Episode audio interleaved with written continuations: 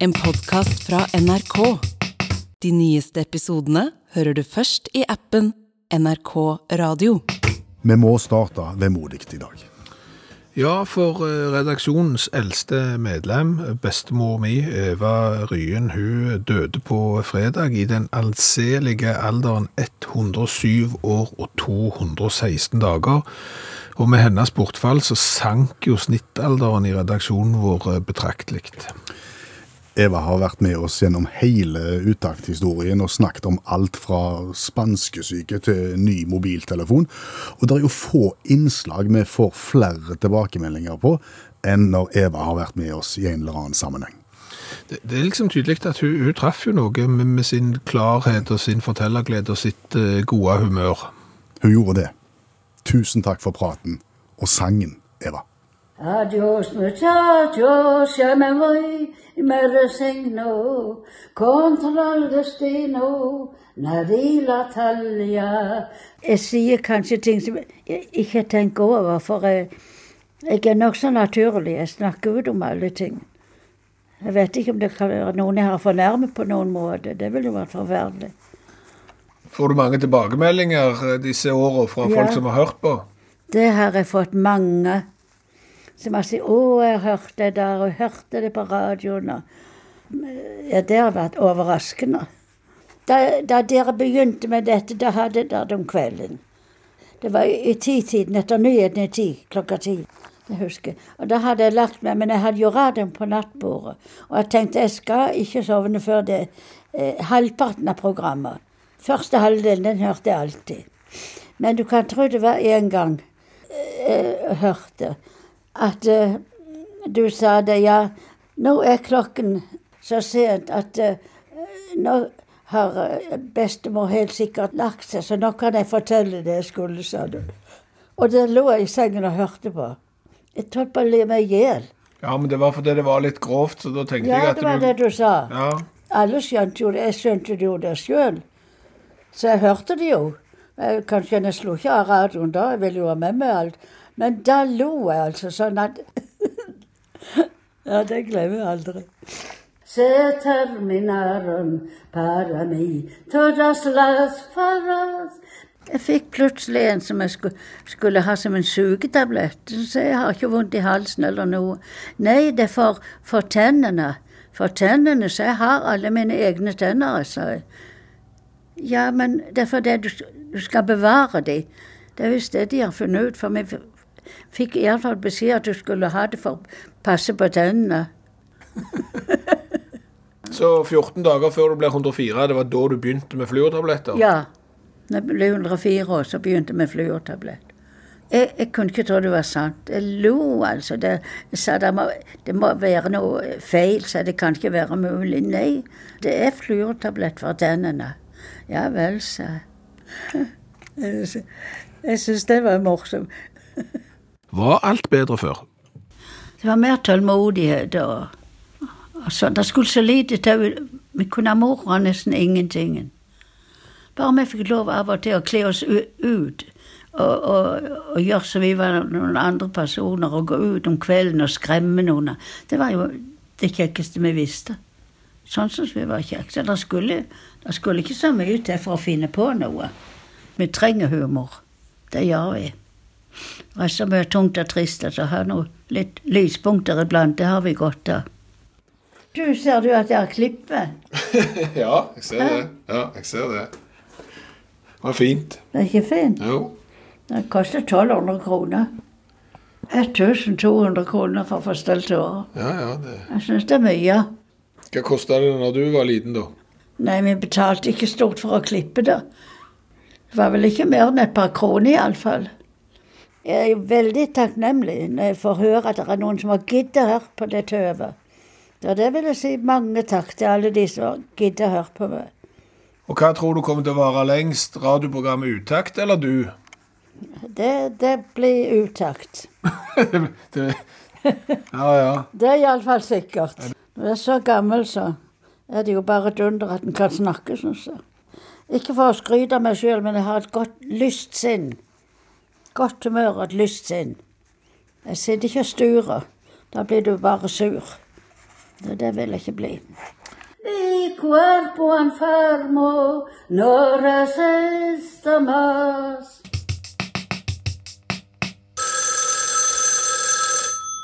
Hallo, ja.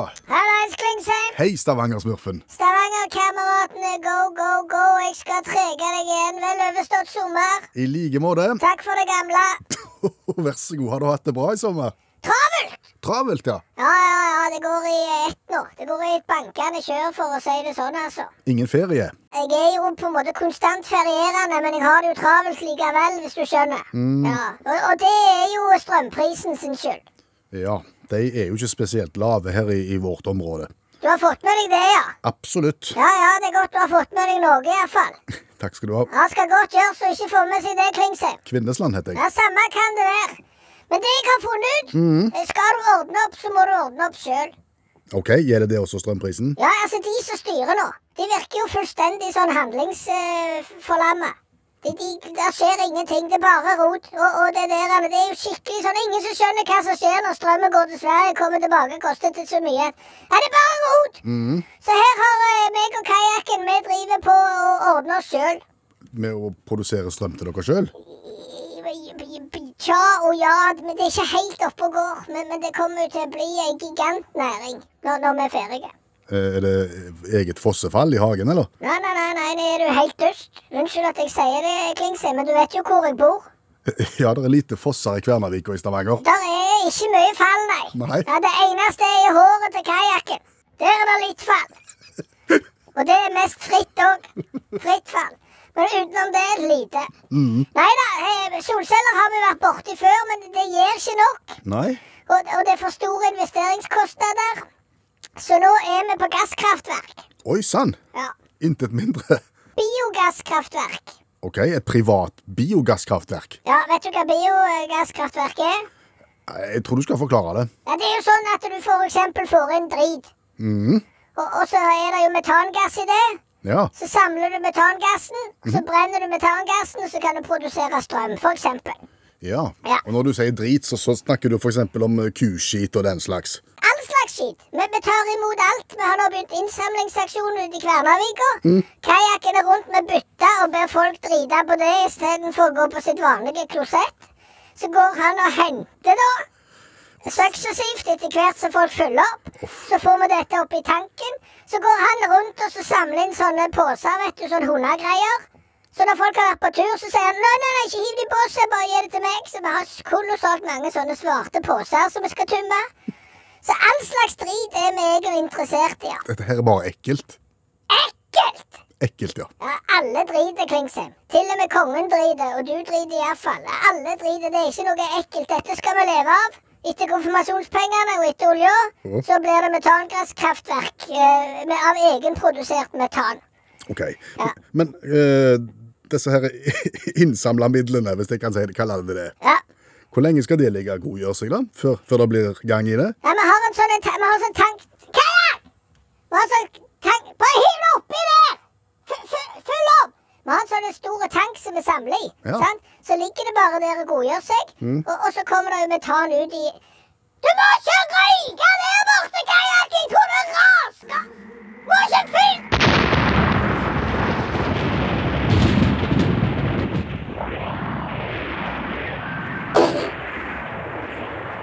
skjedde nå? Det var jo kajakken som står og røyker borte med metallkraftverket vårt. Det jo- gikk jo i lufta.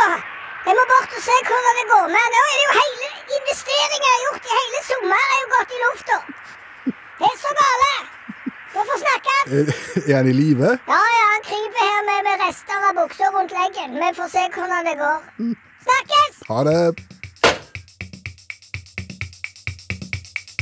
Og så er det første dag på jobb etter ferien for Skjæveland. Ja, det er det. Vært i Spanien Vært i Spanien, ja. Jeg kom hjem på torsdag og klippet deg. og kløpt meg. Ja, Som du pleier å gjøre når du er i utlandet.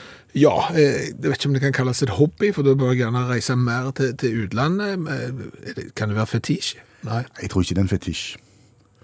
Nei, det, jeg håper for så vidt ikke det. Men, men eh, det er jo en greie som jeg har, at jeg, jeg går alltid til frisøren i det landet jeg ferierer. For det er, det er jo et sosialt eksperiment Ja. med ganske stor fallhøyde av og til. Du har prøvd i Tyrkia. Ja, eh, og der ble sveisen veldig bra, men der fikk jeg kaffe. Som ikke var så bra. Nei, nei, for det er sant, når du da sitter i frisørstolen i Tyrkia, så har du liksom på kommunisert eh, hva du har lyst eh, skal skje, og så klarer han andre der å kommunisere har du lyst på kaffe, og det har jeg jo. Ja. Men jeg visste jo ikke hvordan kaffen var i Tyrkia. Den er veldig liten kopp, den er veldig sterke, og oppi den knøttlille koppen der så tror jeg de har 14 sukkerbiter. Ja, så- så... han smaker pyton vondt. Og så sover du ikke på et døgn. Nei, men det er jo ikke det som er det verste. Du sitter jo da med en sånn enmann- enmannskontakt. Dere- Det er liksom 30 centimeter mellom oss, og han har gitt meg kaffe. Mm. Og den må jeg jo drikke opp, da. Jeg kan jo ikke si fysj. Nei. Da får jeg ikke fine sveis heller etterpå. Så den måtte jeg bare pine i meg. Eh, Ja. Men så var det den spanske varianten. ja. Og da er det jo utgangspunktet da, at du skal kommunisere til den spanske frisøren hvordan du vil ha det. ja. Hva sa du? Eh, Nei, altså, først skal du finne frisør. Ja. Og, og da er jo internettet jo blitt et strålende hjelpemiddel nå, for jeg har jo både hår og skjegg. Så jeg ser jo da at det er frisører rundt omkring i nærområdet, og det er en som er liksom, det er barbershop òg. Å ja, Og da tenker jeg, der har jeg skutt gullfuglen, der skal jeg inn. han kan begge deler. Ja. Så kom jeg inn, eh, så er han allerede i gang med en. Ja vel. Han er fire og et halvt år gammel. Så han sitter omtrent på sånn en eh, sånn barnestol, vet du. Han har ikke skjegg. Han har ikke skjegg, nei. Nei. Da begynte jeg å lure litt på om jeg havna på rett plass. Og så, og så var, var det men, men så var det min tur. Ja. Eh, og da er, skal jeg jo ha det sånn som jeg pleier å ha det. ja, og da pleier du å si Da er det kort på mørene og bak i nakken, Aha. Eh, og så litt lengre på toppen. OK, kort med ørene i nakken og litt lengre på toppen. Ja. Det har ikke spanjolen forstått. Nei, han- han har ikke det. Nei. Eh, og, og dette ble jo da kommunisert eh, først eh, visuelt Ja. med hjelp av fingrer. Med, med, med lite mellomrom mellom eh, pekefinger og tommel på sidene, Ja. og så litt lengre på toppen, ganske sånn, ja, på 3-4 centimeter eh, lignende. Eh, det funka ikke så godt. Nei. Så, Nei. Nå må jeg bare skynde meg å legge til her, for dette er radio. Ja. Eh, Nå må vi beskrive sveisen, sånn som den ser ut, sånn som det endte. Ja, Det er kjempekort overalt. Ja, det er det det er. Eh, For da tok jeg frem mobiltelefonen, og så skrev jeg inn eh, kort på sidene og litt lengre på toppen, oversett til spansk. Han leste, nikte fint og gikk løs på sidene, og da var jeg veldig fornøyd. For da tok han sånn maskin, Ja. og så barberte han veldig kort, og så litt oppover, og så fortsatte han på en måte med maskinen på toppen. Eh, Så Og han stilte ikke om på en måte på maskinen? ikke nok. Nei. Så det er nok det ordet der litt Ja. lengre på toppen som har kommet litt skjevt ut av oversettelsen, for det er bitte litt lengre på toppen. Ikke mye. Men ikke, ikke, ikke mye. Nei. Så, så, det ser fotball Jeg ble veldig mye tynnere da, har jeg fått høre etterpå. Sier du det, ja? Siden jeg har fått vekk såpass mye, så framstår jeg så mye tynnere. Du kunne vært med i en sånn fengselsfilm. Det kunne jeg vært. Ja. ja. Det kunne du. Vet du hva kort ved siden opp og, og altså det utsagnet er på spansk? Nei, overhodet ingen eh, peiling, men, men altså, hvis du vil ha litt spenning i hverdagen, så går du og klipper deg i et land der du ikke behersker språket, for du vet aldri hvordan du kommer ut. Jeg har kjørt veldig mye bil i sommer. Å, gratulerer med dagen. Mange, mange mil tilbakelagt på svingete, gjerne smale norske landeveier. Ja, gjerne bak en tyske bobil òg, da kanskje. Gjerne det, ja. Ja. Og, og opplevd da ganske mange ganger at eh, en må finne en sånn en M, sånn møteplassting, for å kunne stoppe og slippe en annen bil forbi. Ja. For det er ikke plass til begge i bredden. Ja. Enten så har jeg måttet stoppe, eller så er det noen andre som har måttet stoppe for meg. Og da observerte jeg noe som eh, fikk meg i gang med et lite prosjekt i sommer. Så du har ikke tatt 100% fri? Du, du har jobbet mentalt? For dette programmet her. Ok. Jeg har jobbet med å finne ut hvem som har best folkeskikk blant sjåførene der ute. Og da tenker jeg på, eh, jeg snakket om disse M-ene, ikke sant? Når hvis jeg kommer til en M og, Mhm. Ja. og, og, og legger meg inn der, sånn at andre skal få slippe forbi meg, Ja. da forventer jeg et lite nikk, eller en liten hilsen fra den som får slippe forbi. Ja, Det er, det, minst, det er et minstekrav. Ja, ja. Altså det, det beste er jo hvis de stopper faktisk og serverer wienerbrød til deg på veien, og så går vi Nei, det er jeg ikke du skal gjøre dette. Nei, nei, jeg skal ikke tause det til. Men det, det jeg òg gjør, det, altså. Ja, du skal det. Ja. Så viser det seg at det var utrolig sprik i hvem som faktisk gjør det når du eh, stopper for dem. Hvem som hilser, Mm. og hvem som ikke hilser. Så jeg begynte å ta notater. For jeg ville se om det var et mønster. Og du har lagt sånn regneark? Ja, det kan du nesten si. Ja. Ja. Og da, etter flere hundre kilometer på veien, kan du gjette hvilken eh, førergruppe som er den minst flinke. Eller man kan begynne kanskje, hvem er flinkest til å hilse? Ja, men altså, nå, nå, nå, vekker du litt sånn fordomsbarometer. For, for er det, snakker med, altså er det alder og kjønn, eller er det bil? Fordi at Hadde det vært bil, så ville jeg jo sagt automatisk er svarte biler av tysk opprinnelse. De, de hilser ikke, for det er liksom king of the road. Mm. Ja. Veldig interessant eh, observasjon der. Tyskproduserte biler i svart, gjerne SUV og firehjulstrekk, Ja. de er flinke til å hilse. Er de det? Ja. De er dårlige å blinke, men de er veldig flinke å hilse. Det er de, ja. Ok, det er notert. Og hvem sitter bak rattet der? Der sitter eh, menn i alderen 40 til 50. Riktig. Men eh, jeg vil si eh, opp til 60 år, uavhengig av bilmerke, men gjerne dyre tyske biler, Ok. Best på hilsing. Vår egen aldersgruppe altså er best på hilsing. Yes. Ok. Hvem er nest dårligst? Er det nest dårligst? Ja. Eh, Det er jo da de yngste. Nei. Det er menn over 60. Å ja, Eh, Jo eldre, jo dårligere. ok. Altså, nå, Jeg klarer jo ikke å bedømme alderen 100 Nei, men, men de de- kunne ha hatt? Ja, og noe mange av de hadde hatt. Ok. Ja. Ja. Og dess eldre en blir, dess dårligere er en på hilsing, fordi at dess mer konsentrert er en på å på en måte klare å passere. Det var, mitt, det var min tanke òg, Mm. at jo eldre du blir, jo mer må du passe på at du ikke kjører Nå, nå kommer jeg til å få kjeft. Jeg, jeg, jeg lar være. Eh, Resonnementet stopper her. Ja. Og da har vi kommet til sisteplassen. Det var nest verst, ja. det var nest verst. Hvem er aller dårligst til å hilse? da er det jo bare de unge igjen, da. Du har glemt kjønnsaspektet. Damer er mye dårligere å hilse enn menn. Dessverre, ja. Ja, Det er min erfaring òg. Kvinner i alle aldre. Ja, for jeg bor i en vei som er så smal at hvis du skal til å få jobb og sånn, så må du gjøre akkurat det samme. Og det er også min eh, erfaring. Mm. Ja. Damer er sykt dårlige til å takke for at jeg stopper for at de skal slippes fram. Nå skal det sies at jeg møtte langt flere mannlige sjåfører enn kvinnelige, sånn totalt sett. Men det ødelegger jo ikke hovedinntrykket.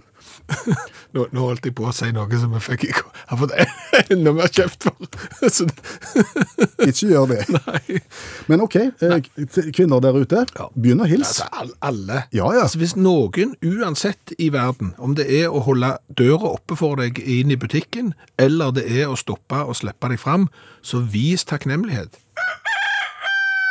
For ei halv uke siden så fløy jeg hjem fra Barcelona, og da tenkte jeg, nå er jeg sykt tidlig på flyplassen, det var litt irriterende. Så går jeg inn på Barcelona flyplass, og så ser jeg at jeg ikke er for tidlig i det hele tatt, for der står det jo en kø for å få sjekket inn kofferten, som er herfra til evigheten, og de som sitter bak der og, og tar imot kofferten og gir ut boardingkort og sånn, de så ut som du mistet livsgnisten for ca. 30 år siden. Oi sann, det gikk ikke fort, nei. Og så viser det seg jo det, at hvis jeg bare hadde sjekt med, med, med våre egne folk, så kunne dette ha gått mye raskere enn det gjorde. Ja, for en ting er jo det du snakker om nå. En annen ting er jo det vi har hørt om tidligere i sommer, hvor det har vært åtte kilometer kø ut forbi Schiphol flyplass i Amsterdam, for eksempel. Ikke diss køen min nå, da. Nei. Men allmennlærer med to vekttall i musikk, Olav Hove. Vel overstått sommer, forresten. I like måte. Det er du som da kommer da med løsningen eh, til de som sliter med at det går seint på flyplassen. Ja, og at jeg kommer løsningen er å ta i. Men, eh, men en slags, det, det er jo ofte så er det slik at er mange bekker små, da. Dette her er en liten bekk jeg skal fortelle om, men det, det vil gå litt raskere hvis en, eh, hvis en på en måte følger det jeg nå skal fortelle. Da. Og Dette er en tjeneste som tilbys av en eh, engelsk forening som kaller seg for Dull Man's Club, altså kjedelige menn. Ja, det, det er de som eh, kårer Englands kjedeligste mann, eksempel, og da får du anorakk. Årets anorakk, det stemmer, ja. Vi har snakket om han før i sommer, ja. Hadde de lagd en guide til å komme seg raskt gjennom en flyplass? Ja, på en måte så har de det. eh, eh, For de, de driver jo med mye vass. da. De f.eks. kåra kjedeligste webkamera i verden og slike ting, så de driver jo mye vass. Men de har òg tjenester de tilbyr til reisende. Eh, Og, og har de noensinne tenkt på det når du står på en flyplass, at eh, når du da har landa med flyet, skal videre, enten du skal i sånn transitt eller du skal ut, har du tenkt nå hadde det vært deilig å komme seg kjapt ut. Få tak i bagasjen min kjapt, har de tenkt det? Alltid. Ja. Og hva er godt å vite da? Det er Nå skal jeg svare sjøl, for, for det kan være et vanskelig spørsmål der. Det er jo å vite hva retning går bagasjebåndet. Har de oversikt over det? Nei, Om det liksom går med eller mot klokka og sånn? Ja. Nei, har ikke det. Men det har Dull Man's Club, og de har lagt opp, bygd opp en database med 600 flyplasser i verden. Hva retning går bagasjebåndet? Så kan jeg slå opp, så kan jeg se f.eks. Ja, skal jeg til, skal jeg, kommer jeg hjem til Stavanger mot klokka. Så da må jeg stille meg slik at jeg får bagasjen min kjapt. da. Sant? Skal du til Trondheim, da er det med klokka. Så har du da Gardermoen, som Dølmens Club kaller en problemflyplass. For da går han begge veier. Og det, liker jeg ikke godt, så de anbefaler ikke ikke reise til Oslo. da. Så, og sånn er det rundt omkring i hele verden. sant? For eksempel skal du til Khartoum i Sudan mot klokka. Og i sommer så hadde jeg en bekjent av meg som skulle til Gibraltar. Jeg skulle holde et innlegg på en slags kongress der nede. Og så la han ut en sånn greie fra Frankfurt, liksom. Kaos, jeg veit ikke om jeg rekker, jeg kommer ikke til å rekke det når jeg kommer til Gibraltar. sant? Den type, den type innlegg. Så skrev jeg da til han. Skal til Gibraltar, så kan du iallfall huske på at det går mot klokka og bagasjebåndet. Så går det litt raskere. Så prøvde jeg å gi et tilbud, men Ja. ja. Men, men lander du i Gibraltar, så kan det hende at du blir forsinka fordi at det er faktisk en buss som skal krysse eh, rullebanen. Så der er det jo andre utfordringer òg. Ja, for det er mindre flyplasser, og det er jo ikke alle som har bagasjebånd. Nei. Nei. Og da har jeg tilbud der òg. Skal du f.eks. lande på Mbabane-flyplassen i Svasiland, så er ikke det bagasjebånd. Så det du skal gjøre da, ifølge databasen, gå ut av flyet, og så er det en liten mann som gir deg kofferten din. Se etter en liten mann. Med kofferten din. Men, men nå, nå våkner jo journalisten Nei, ja. Du er fotograf. jeg er fotograf. ja. Nå våkner jo fotografen i, i meg. For, for jeg begynner jo å mistenke den her Dølmens Club. At de har gjort dette her bare på Garp. Og, og liksom, vi sier, vi sier med klokka og mot klokka. For nå står jeg og tenker meg om. Jeg landa jo på Sola nå sist. Ja. Og du sa han gikk mot klokka. Ja. Han går med. Jeg er ganske sikker på han går med. Det er jo ingen databaser som er helt eksakte. Nei. Nei, sant? Men det, men det eneste måten du skal komme raskere, ifølge Dølmens Club, det er bare at du skal stille deg opp rett ved hullet, der som, der som han Nå, kommer jeg, ut. jeg sa ikke det var et godt forbrukertips, men det har jeg alltid sagt. Men forbrukertips er forbrukertips. Sånn er det. Hjertelig tusen takk, allmennlærer med tovektig musikk, Olav Hove. Nå kan du gå mot klokka. Nå kommer vi med en viktig melding til deg som er glad i utakt. Ja, eh, og her skal vi prøve å være så tydelige som vi kan, men hør godt etter. Ja. Eh, Facebook, det er en kommersiell aktør. En gigantisk sådan. Ja, jeg tror de hadde en omsetning i fjor på finfine 85,96 milliarder amerikanske dollar. Eh, Så det holder vel til salt i grøten og litt til. Ja, jeg tror det. Eh, Men så er det jo sånn at da når Facebook er en kommersiell aktør og styrer mye av den eh, informasjonen som foregår på sosiale medier, så har NRK bestemt at vi skal ikke være så synlige på den plattformen der. Nei. Og i konsekvens for oss så betyr det at Utakts i Facebook-gruppa, som til nå har eh, vært på Facebook, på, selvfølgelig, vært der ute, med, med sine 20 000 medlemmer, Ja. den forsvinner nå i løpet av få dager. Ja, den er faktisk i ferd med å skrumpe inn eh, allerede. Eh, og, og klart at hvis du hører på radioprogrammet Utakt, og har syntes at det har vært et kjekt samlingssted å diskutere programmet, og diskutere livets ikke så spesielt viktige saker, og gjerne føle at du har et fellesskap der med folk som tenker likt som du gjør, eh, og som opplever hverdagen likt, og som har det samme skråblikket på livet, så er det litt dumt. Ja. Heldigvis så er det da noen uh, ivrige utaktlyttere som har tatt jobben med å etablere en ny gruppe, Ja. som på en måte står på utsiden av uh, NRK-systemet. Ja, og som uh, vi ikke styrer, som NRK ikke styrer, men som de som hører på radioprogrammet Utakt, og som liker radioprogrammet Utakt, styrer. Ja. Så hvis du liksom savner dette fellesskapet da, når gruppa vår blir lagt ned, så, så er det en mulighet til å treffes der og, og diskutere de samme videreverdighetene og, og de samme uviktige tingene der. 5000 mennesker har eh, så langt sagt at det har vi lyst til å være med på, og har meldt seg inn i gruppa Utakt for og av fans.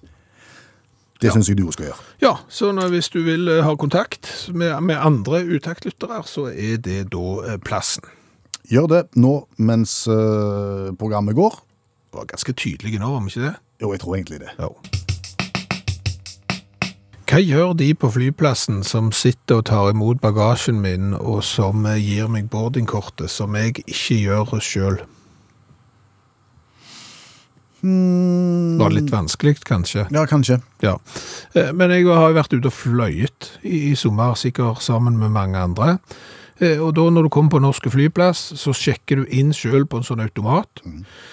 og så skriver du ut sånn eh, bagasjelapp, og så går du og leverer bagasjen, og så trykker du på en sånn kjekke som ser ut som du jobber i kassen i en butikk, og vips så forsvinner bagasjen, og du har boardingkort i hånda, og kan gå eh, til gaten. Ja.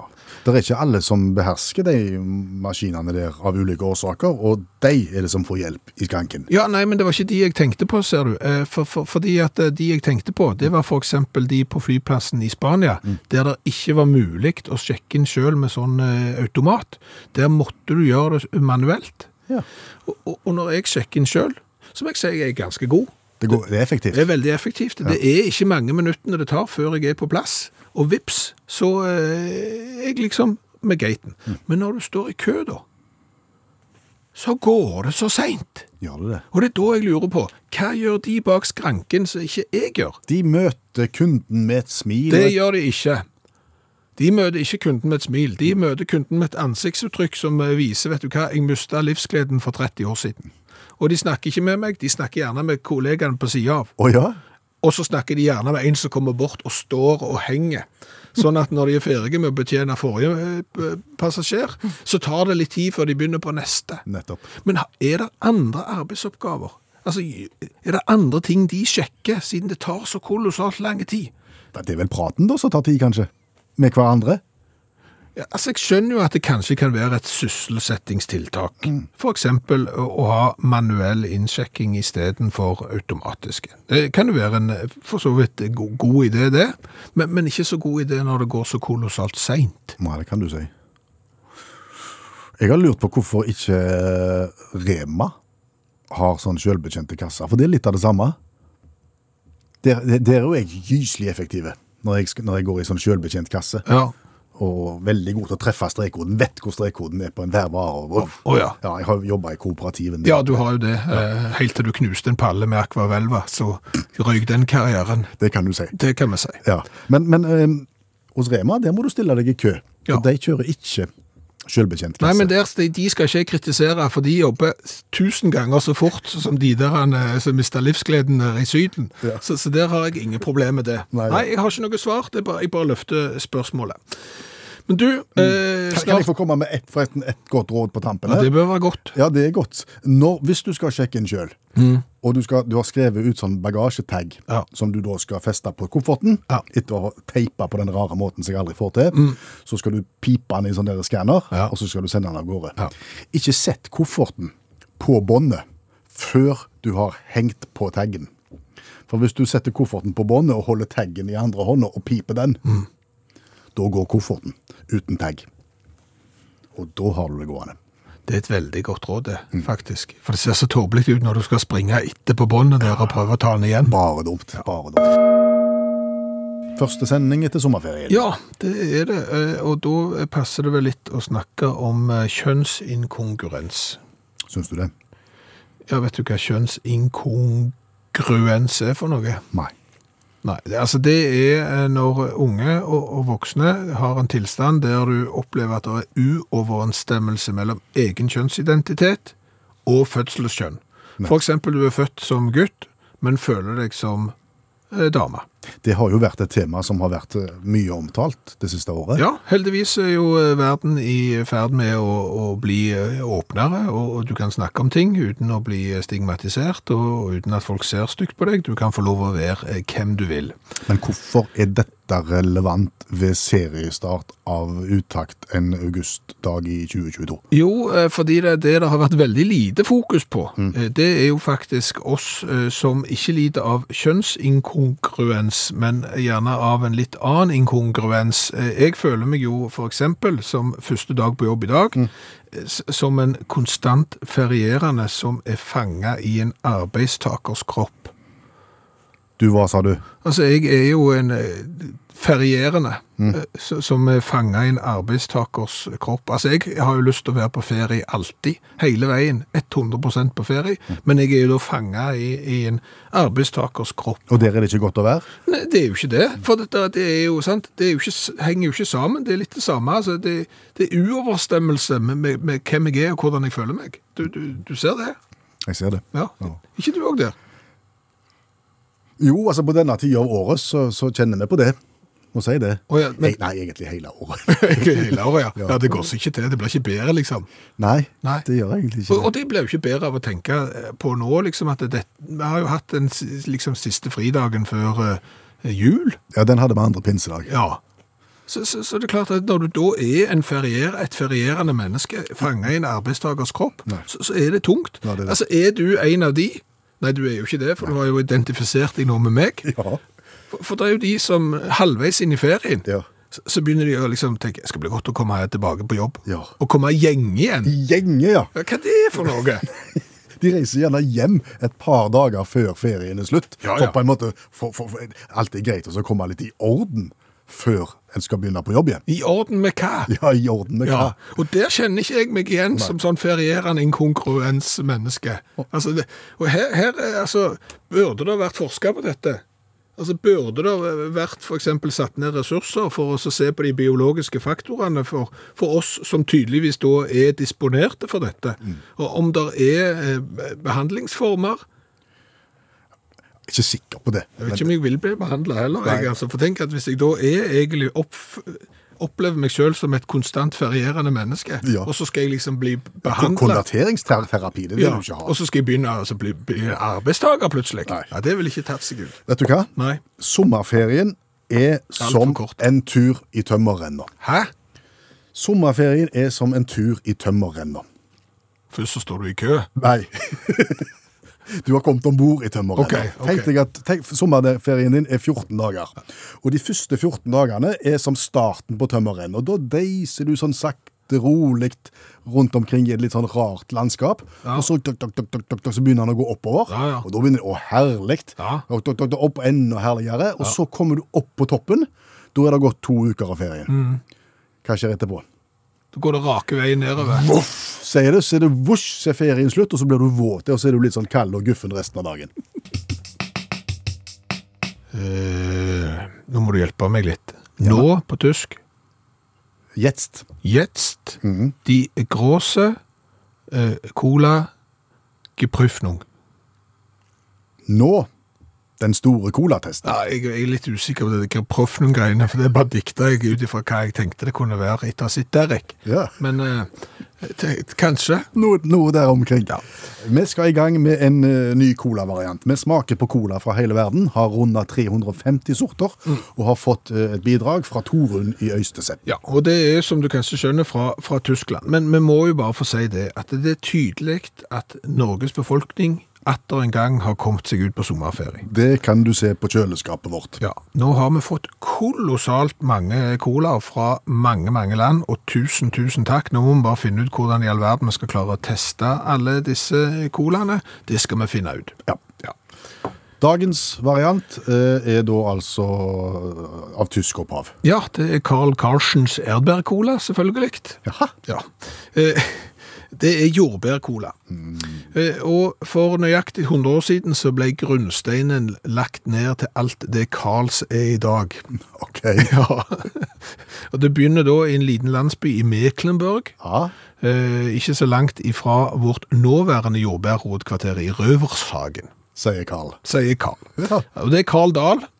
Kan være far til Roald, litt usikker, jeg tror ikke det, men er nå bestefar til den nåværende eieren. Eh, Og de grunnla da en liten grønnsakshage der da for 100 år siden, og så begynte de å lage jordbær og sånn, og litt frukt og grønnsaker og sånn, og så dro de da to ganger i uka inn til Rostock, med i Øst-Tyskland da, Ja. med hestavogn og greier for å selge det du hadde.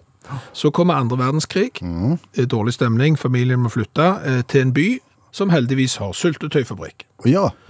Så da begynner familien eh, til, til Roald Dahl og Carl eh, å, å levere til syltetøyfabrikken. Spennende. Så faller muren. Hva skjer da? Da blir det vanskelig for østtyskerne å konkurrere med billige importjordbær, og de mister da avtalen sin med syltetøysfabrikken. Hva gjør Carl og co.? Da begynner de å selge jordbær sjøl, fra egne boder, og er jo da i løpet av noen år i ferd med å skape et jordbærimperium. Dette, dette er meg sjøl som sier dette. Ja. Det, det tolker jeg fritt. For det de har da klart å gjenskape, det er liksom det de hadde i starten. Det er jordbæråker, jordbærfarm og greier, og så begynner de å selge. Og får da 13 jordbærutsalgshus Åh. til slutt. Og så tenker du, ja ja, det er jo flott. Stopper det der? Langt ifra. De ender nå opp med å lage òg jordbærfornøyelsespark. Oi sann. Ja. Jeg sitter her med kartet. De har veldig mye spennende i, i, i dette kartet. Det, det er som Ja. All slags kjekt. Hadde jeg hatt brillene på, så kunne jeg lest òg, men det kan jeg ikke. Men eh, da tolker jeg det vel dit hen at de da begynner å produsere jordbær, altså andre ting enn bare jordbær. Ja.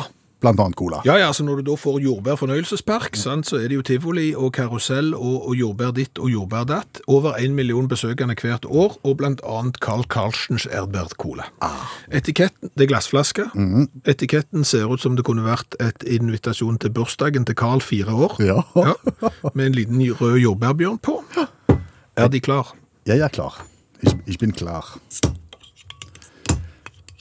Korken satt godt. Ja. Cola med jordbærsmak. Jeg må jo bare si at fordomsbarometeret er på fullt utslag før vi har begynt. Men, men, men. Vi skal gi karakter. Kyss. Kyss. Nei, jeg ikke noe på tysk, det. Det hadde det. Å ja, OK. Da var det litt tidlig. Oi, det lukter tyggegummi. Det lukter tygg i.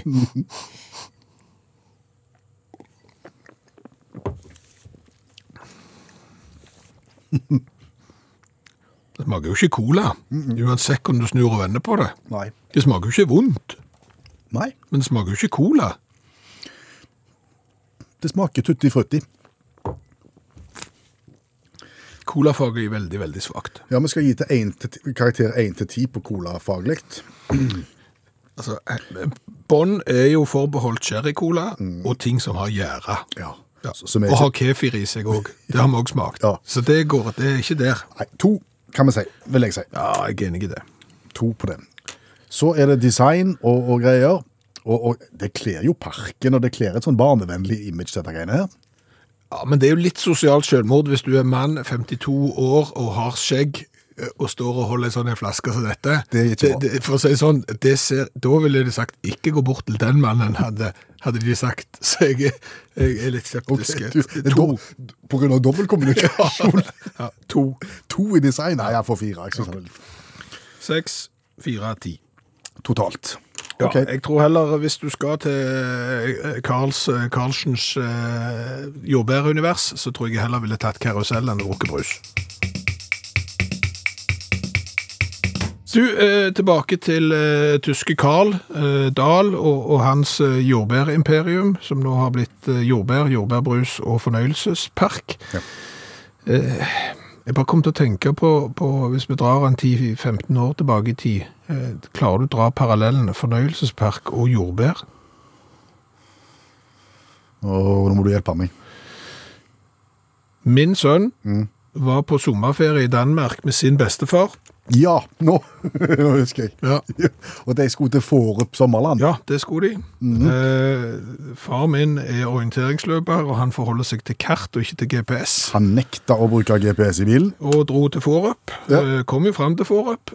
Der var det jordbærland, og ikke sommerland, for det var feil Forup. Men det er klart, hadde de i Forup eh, jordbærland visst om eh, Karl suksess i Tyskland med fornøyelsespark og alt, så er det ikke sikkert det hadde blitt en så stusslig bomtur som det faktisk ble. Det kan du si. Har, du, har du vært i noen park du i sommer, eller? Nei, jeg har ikke det, men jeg har kjørt noen til en fornøyelsespark i sommer. En av Europas største i eh, Spania. Oh. Og, det, og det bringer jo altså, her, her må vi komme med flengende kritikk. Til spanjolene? Ja, er egentlig til hele verden snart. Oi! Ja. Eh, fast track. Ja. Kjøpte jeg eh, raskere plass i køen. Ja. Vi er jo ikke vant med det i Norge hvis vi går på norske, i norske parker og norske severdigheter. Tusenfryd eh, sa jo at de skulle, fikk flengende kritikk, snudde i døra og, og, og ga seg før de hadde begynt. Og dermed er jo ikke vi vant med det. Vi kjøper inngangsbillett, og så går vi i dyreparken, og så står vi i kø, eller så går vi til Tusenfryd, og så står vi i kø til det er vår tur. Mm. På flyplassen er vi jo vant med det. Der kan vi gjøre det. Ja, der er vi vant med det. Og der har vi kritisert det òg. Men i utlandet så er dette tydeligvis helt vanlig. Og det tenker jo ikke vi på som er nordmenn. Så når du da drar i en av Europas største fornøyelsesparker, så kjøper du inngangsbillett, og så drar du tidlig på morgenen. Så henter jeg de som jeg har sluppet av ut forbi denne fornøyelsesparken sent på kvelden. Ja. Da har de i løpet av nesten tolv timer eh, klart å ta fire attraksjoner. Det er flere enn fire i den parken. Mye flere enn fire. To og en halv times ventetid for å ta noen ting som helst, fordi alle med fast track går foran. Og når de har tatt én runde, så går de tilbake i fast track-køen, og så blir de prioritert da òg, og så går de tilbake i fast track-køen. Så har de gjerne tatt tre turer, fire turer, før de som har kjøpt vanlig inngangsbillett, får en eneste tur. Vet du hvor mye mer fast track-folket betaler? Jeg tror det er ganske fort 300 kroner. Men, men det er klart at så legger ungdommen legger dette ut på sosiale medier og sånn. Er der i parken fire turer, ha, ha, ha. Så får du liksom Å, nybegynnertabbe. Alle vet det at når du drar på i park i Europa, så skal du ha fast track. Sant? Så neste gang så blir det jo selvfølgelig fast track. Og alle de andre som sto to og en halv time i kø for å ta én karusell, hva gjør de neste gang? De kjøper fast track. Ja. Ja. Da kommer jo alle fast track, da. Ja. Da er det slow track. Ja, hva gjør du da? Altså når majoriteten betaler for å gå fortere enn minoriteten i kø, hva skjer da? Da må du lage enda et tilbud som er enda dyrere enn fast track. Det er fast fast track. Ja, det er fast fast track? Ja, og det er enda dyrere enn fast track. Ja. Og, og det, det, Så har du det gående. Ja. så det der må vi bare slutte med. Ja. Altså, folk må likestilles. Du skal ikke kjøpe deg forbi noen kø, noen plass. Punktum. Punktum.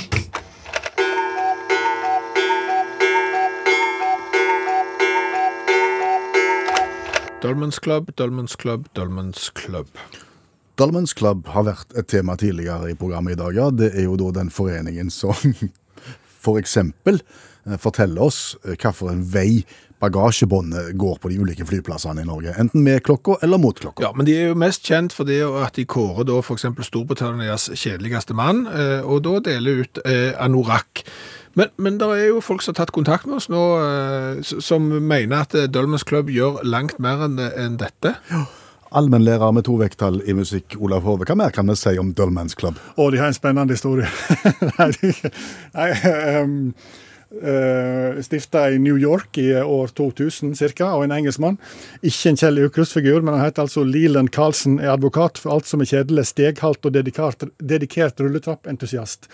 Um, Steghalt. ja, det er ikke usikker på hva det er, men jeg tror det er visst én fot er lenger enn den andre. Å ja, så du får sånn, sånn sko med, med høyere hæl, ja. Ja, Kanskje derfor han ble rulletrappsentusiast? Kanskje. Han har, han, har, han, har, han, har, kjørt de mest spektakulære rulletrappene på fem kontinent, så det er jo ikke småtteri. Eh, uansett, da, han, han var medlem i noe som heter New York Athletic Club, og der, der drev de jo med basket og judo og slike ting. Det Det er ikke lett når du har steghalt. Nei.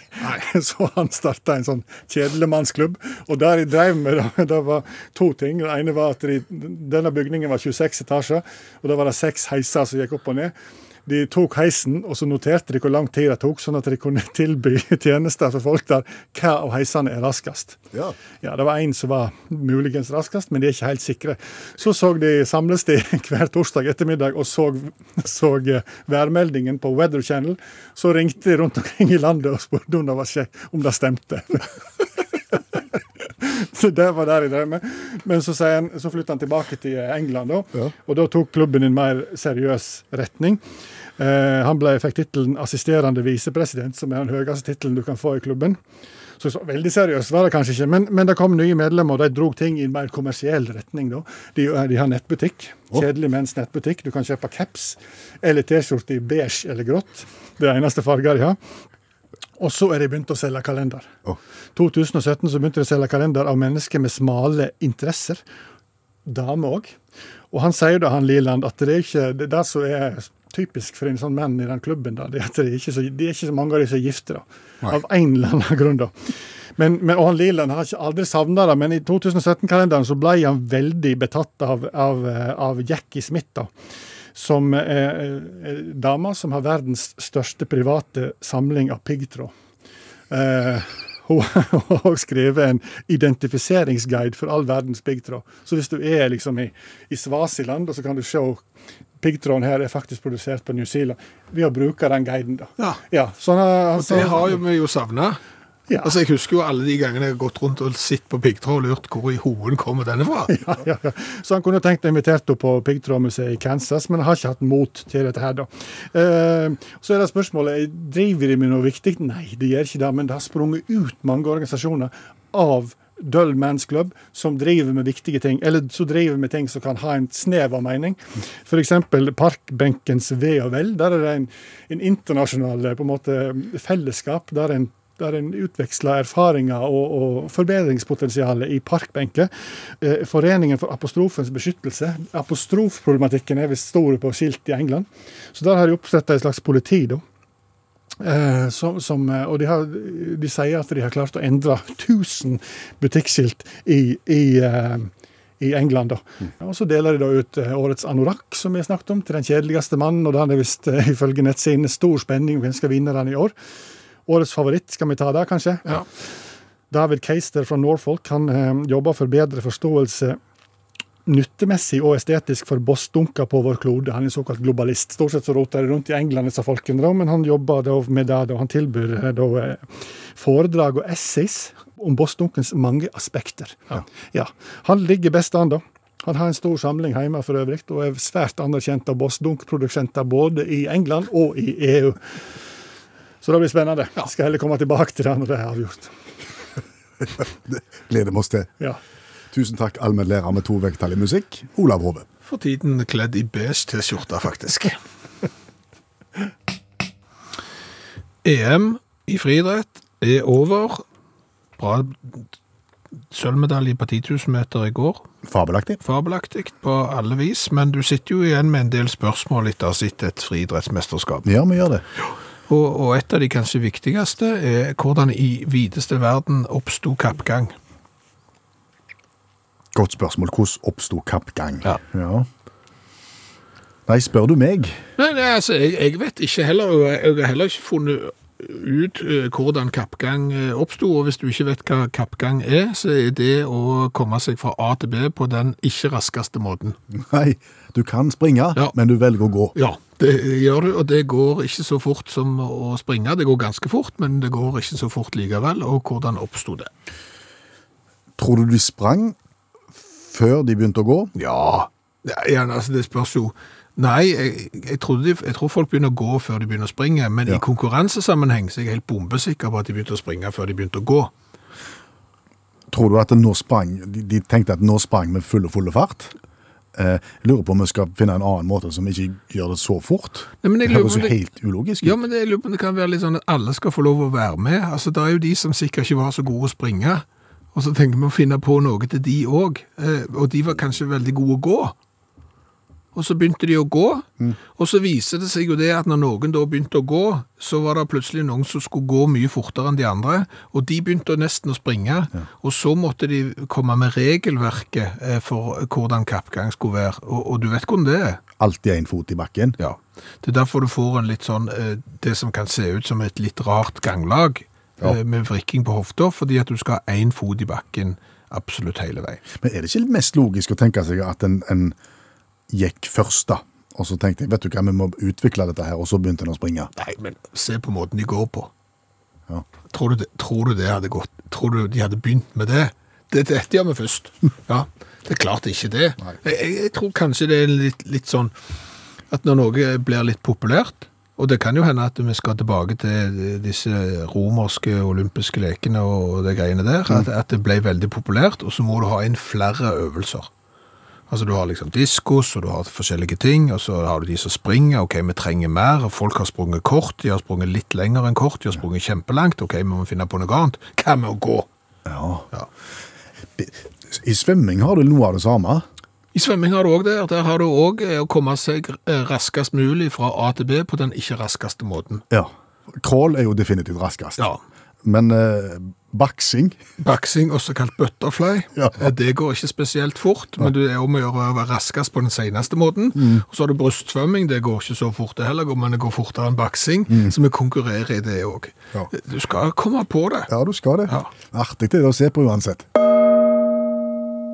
Og heldigvis for oss og hele Norges befolkning så har vi lyttere som er smartere enn oss og, og mer belest, eh, som kan fortelle oss at eh, det første engelske mesterskapet i kappgang ble avholdt i 1866, og etter 15 år med press fra ivrige kappgjengere, så ble det i 1908 opple kunne du oppleve kappgang under de olympiske lekene i London. Og, Så når vi foreslo at dette starta i antikken, så, så bomma vi med noen hundre år. Det er ba bare så vidt. Så vidt. Stang ut, kaller jeg det. Men vi sa at vi hadde noen spørsmål eh, vedrørende friidrett. Og når vi har stilt det ene, hvordan oppsto kappgangen? Ja. Eh, her er spørsmål to. Hvorfor må det være planke i eh, lengdehopp? Ja, hvorfor må det være planke i lengdehopp? Fordi det er tradisjon, vil mange si, og at det er på en måte the noble art av å treffe planken og så hoppe, og at det, det er liksom flere aspekter ved den idretten der. Men jeg tenker at folk flest har jo lyst til å se lange hopp, har de ikke det? Ja, Du har jo lyst til at den som hopper lengst skal vinne. Ja. Eh, og det kan jo hende at han som ser litt dårlig på nært hold, f.eks., eh, som skal ned og se på planken, ikke klarer å fokusere, og så bommer han med noen centimeter, og så hopper han dødt, og så hopper han egentlig sykt langt. Altså, Jeg er jo en gammel friidrettsutøver, så jeg vet jo litt om dette. Ja, det gjør du. Ja. Fordi at når du kommer da og begynner å nærme deg planken, og så merker du at du er litt i utakt, mm. Og så begynner du med småtripping for å treffe planken, Ja. og du treffer planken, men da blir jo hoppet desto svakere. Ja. Og det er jo teknologi som i dag kan bare måle der foten lander. Ja. Så om du vil hoppe langt fra gropa, eller om du vil hoppe helt inntil gropa, bare så lenge du havner i gropa. Ja, du må ikke hoppe for langt ifra gropa, for det, det er dumt. Ja. Hvis du tar rennafart, hopper 8,95 og lander på tartan, Ja. det vil du ikke. Det vil du ikke. Nei. Så, så no, noenlunde må det være. Ja. Men er du enig? Jeg er helt enig. Ja. Kunne bare fått vekk hele planken. Ja. Men, men det er klart, det er litt sånn når du er TV-seer Ja. og er på stadion, og så har du da gropa med liksom lengdeindikatorene og sånn, så det er jo et spenningsmoment når du ser at noen hopper, og så ligger de omtrent i det området der lederen ligger. Så er det sånn, har han klart planken? Er det lenger, eller er det kortere? Det er klart at hvis noen satser to meter for å gro på, og noen andre satser en meter, for, du mister litt av det. Men det er klart at nå er det jo sånn, du er gjerne på jakt etter flere øvelser, og da kan du ha Legg det opp uten planke. ja, såkalt frilengde, Ja. sant? og så har du tvungen lengde, litt som yatzy. Ja. fri og tvungen. Mm. Så har du to du øvelser. høydehopp uten stang? Nei, det kan du ikke ha. Det går ikke. Jo, det går... Nei, du kunne ikke det. Det er bare sitt tosje ut. Det, Kjempedumt. det, det er bare sitt dumt ut. det. Det var forresten noen som stilte et spørsmål i, i Facebook-gruppa, så jeg. Hva? Om, om eh, hvem er det som legger på plass uh, sta, eh, stanga i, i stavsprang Ja. etter at de har revet. Det er, da blir han heist ned, altså de der som han ligger på, de blir heist ned, og så legger du på, så heiser du opp igjen. Men jeg tror i gamle dager så sto det to mann, altså. På gardintrapp? Ja, omtrent, med sånn pinne, og så skulle uh, bakse det på plass. Men nå er det, nå er det motorisert. Hva har vi lært i kveld? Ganske mye. Jeg har jo lært av deg, som har drevet intensiv forskning i sommerferien, og funnet ut hvem er det som hilser mest og minst på smale norske veier. Altså når du stopper og viker, og som hilser som takk. Mm. Det er flinkeste, det er menn opp til 60 år. Eh, Bilmerket er uvesentlig. Nest dårligst er menn over 60 år, og du er dårligere jo eldre du blir, og aller dårligst til å takke for eh, å bli sluppet frem i trafikken, det er dessverre damer. Det viser min forskning nå i sommer. Ja, Så hvis dere skal adressere den forskningen, så er det ikke jeg som har eh, gjort det, det er Per Øystein Kvinnesland. Telefon om deg. Som er at uh, kjedelige mannfolk i uh, Storbritannia annet, de kan informere deg om hvilken vei bagasjebåndet på 600 ulike flyplasser i verden går. Ja, Sånn at du kan stelle deg opp på rett plass og få kofferten fort. Ja, det er kolossalt mye tid å spare på akkurat det, så det vil jeg jo anbefale. Mm. Så har vi jo lært det at det er noe som heter kjønnskongurrens.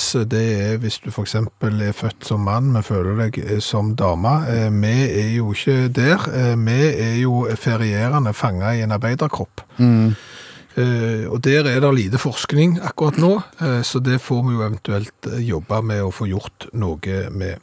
Så har vi lært det at tysk jordbærcola er ikke vonde, men det er ikke cola.